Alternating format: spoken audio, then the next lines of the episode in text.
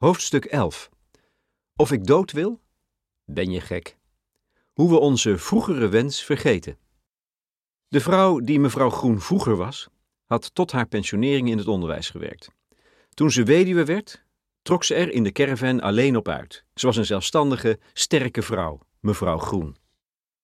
Die weerbaarheid verdween toen duidelijk werd dat mevrouw Groen aan vasculaire dementie leed.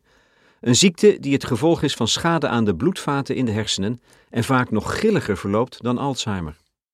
In haar wilsverklaring stond dat mevrouw Groen, zoals ik haar zal noemen, euthanasie wilde als ze naar een verpleeghuis moest. Maar de specialisten ouderenzorg voelde er niets voor haar te laten sterven. Mevrouw Groen was wils onbekwaam en dus te laat, vonden ze. Daarop werd contact gezocht met een ambulante arts van de levenseindekliniek. Van het gesprek, waarin die arts mevrouw Groen vraagt of ze nog steeds dood wil gaan, werden videobeelden gemaakt. Die beelden heb ik gezien. Wat ongelukkig loopt mevrouw Groen, ze moet even in de zeventig zijn, te friemelen met een groene pleet waaronder ze vaak ligt te slapen. De arts van de levenseindekliniek valt met de deur in huis. Wilt u sterven? Ja, zegt mevrouw Groen. Omdat u zo vergeetachtig bent, ja. Zaterdag spraken ze er ook al over, zegt de arts. Toen vertelde mevrouw Groen aan haar broer toch dat ze dood wilde? Ja, dat is ook zo, zegt ze. Wat is er zo erg? Mevrouw Groen brabbelt en gaapt. Dat kan ik niet goed. Steeds opnieuw stelt de arts de vraag. Het voelt ongemakkelijk voor haar, dat aanhoudende vragen.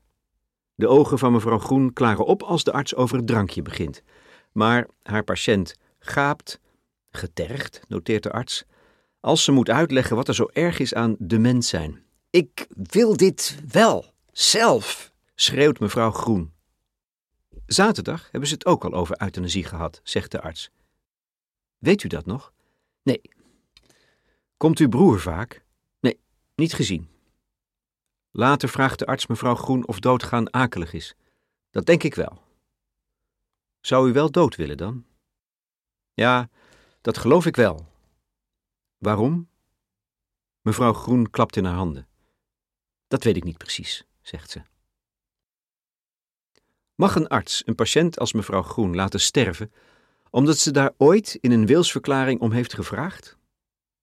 Mag dat, heimelijk, omdat de arts bang is dat mevrouw Groen in paniek raakt als ze het openlijk zou doen?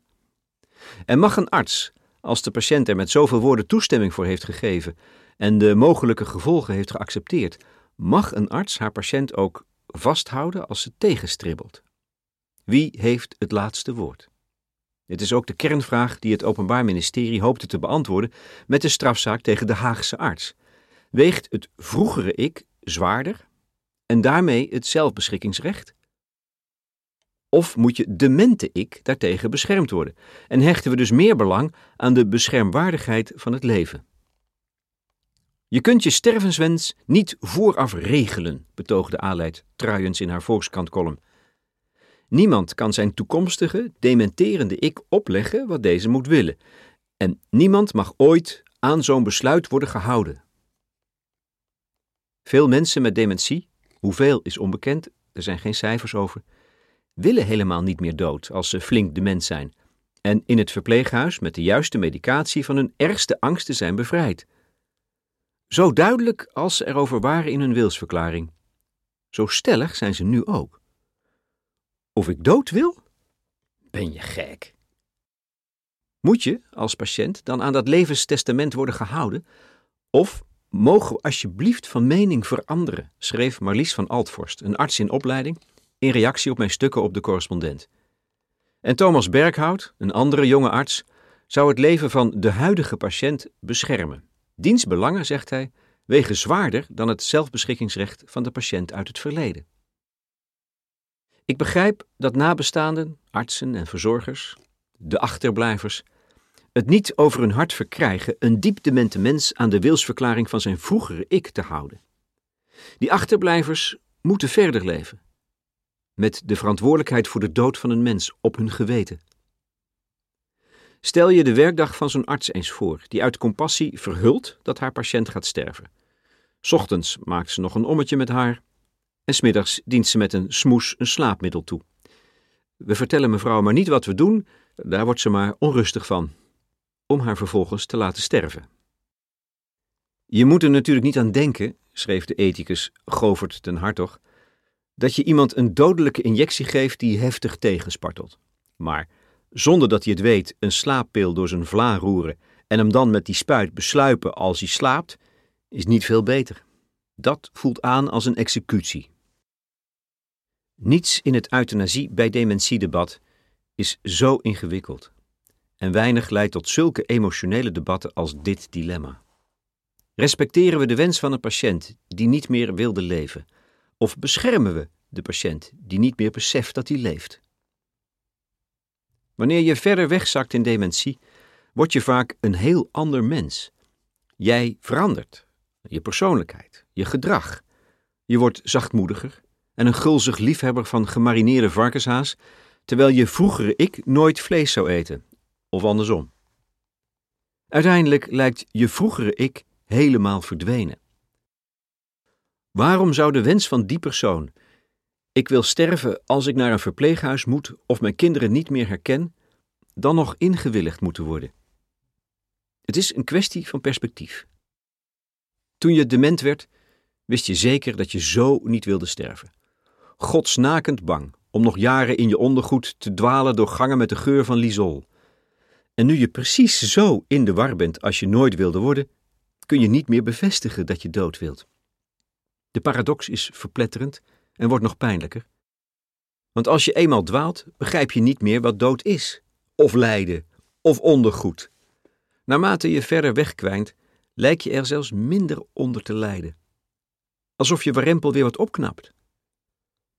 Juist dit scenario had je ten koste van alles willen vermijden.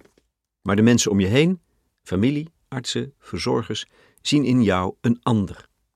Alsof die man er met jouw personage vandoor is, met de man die je vroeger was. Die vroegere man kunnen ze niet meer laten sterven, zeggen de omstanders. Want die man is al weg. En zo wordt, wat je het meest vreest, wat voor jou de ultieme reden is om te sterven, gebruikt als argument om je juist in leven te laten. Als het meezit, merk je daar zelf tegen die tijd niets meer van. Maar hoe immens is het lijden, de angst, de afschuw, de onmacht, in de jaren waarin je nog wel kunt denken, en ze je vertellen dat jouw toekomstige ik ook moet worden beschermd? Govert den Hartog was twaalf jaar lid van de regionale toetsingscommissies euthanasie en is lid van de Gezondheidsraad. De patiënt met dementie die niet meer dood wil, verandert volgens hem niet van gedachten.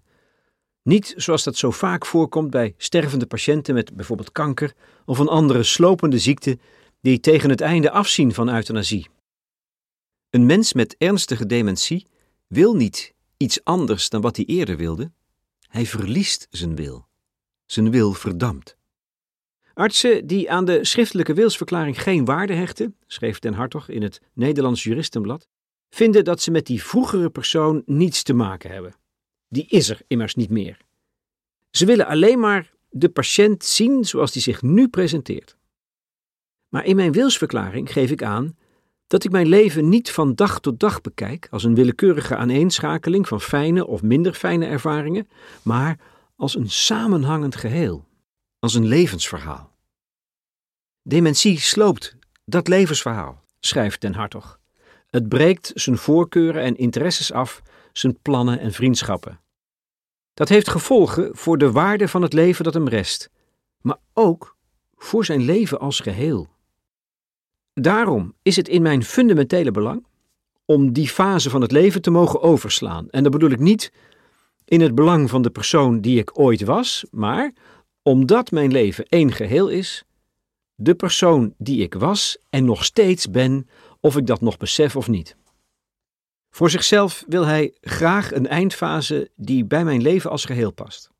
Het laatste stadium van dementie doet dat niet, omdat ik het essentieel vind. Dat ik nog een beetje mezelf ben, nog op mijn eigen manier probeer met de wereld in het reinen te komen.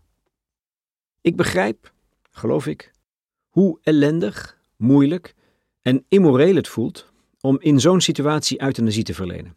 Maar vindt ook dat de omstanders wat al te licht voorbij gaan aan de belangen van de vroegere mens. Zelfs als die van niets meer weet, als hij eenmaal diep dement is en eigenlijk best happy lijkt.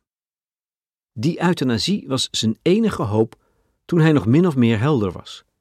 Als we nu zouden afspreken dat niemand zijn toekomstige ik kan opleggen wat deze moet willen, ontnemen we hem die hoop en verlengen we zijn lijden voor hij een ander wordt en ook daarna. Met welk recht doen we dat? En hoe weten we eigenlijk zo zeker dat die vroegere ik er niet meer is? Niemand heeft dat ooit kunnen aantonen. Nooit is een diepdemente mens zodanig genezen dat hij kon uitleggen hoe het echt zit met die Kafkaeske gedaanteverwisseling. En dus stel ik mij voor dat mijn vroegere ik er ook nog zal zijn als ik iemand anders ben geworden. Dat hij op een krukje bij de deur zit, met een bloknoot en een pen, en dat hij alles nog meemaakt, alles nog ziet, ruikt, voelt, hoort en proeft, maar dat hij opgesloten zit in dat lichaam van die andere man. Is dat absurd? Vast wel. Maar niet absurder dan het idee dat ik die man niet meer ben. Hoe kunnen artsen en critici volhouden dat ze op die manier wereloze patiënten beschermen?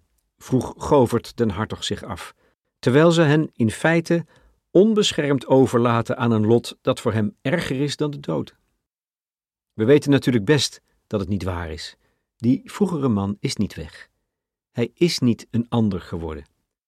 We geloven in die fictie en beschermen de kwetsbare mens, omdat het veel moeilijker is de wil van een patiënt te respecteren en een mens te laten sterven die helemaal geen wil meer heeft.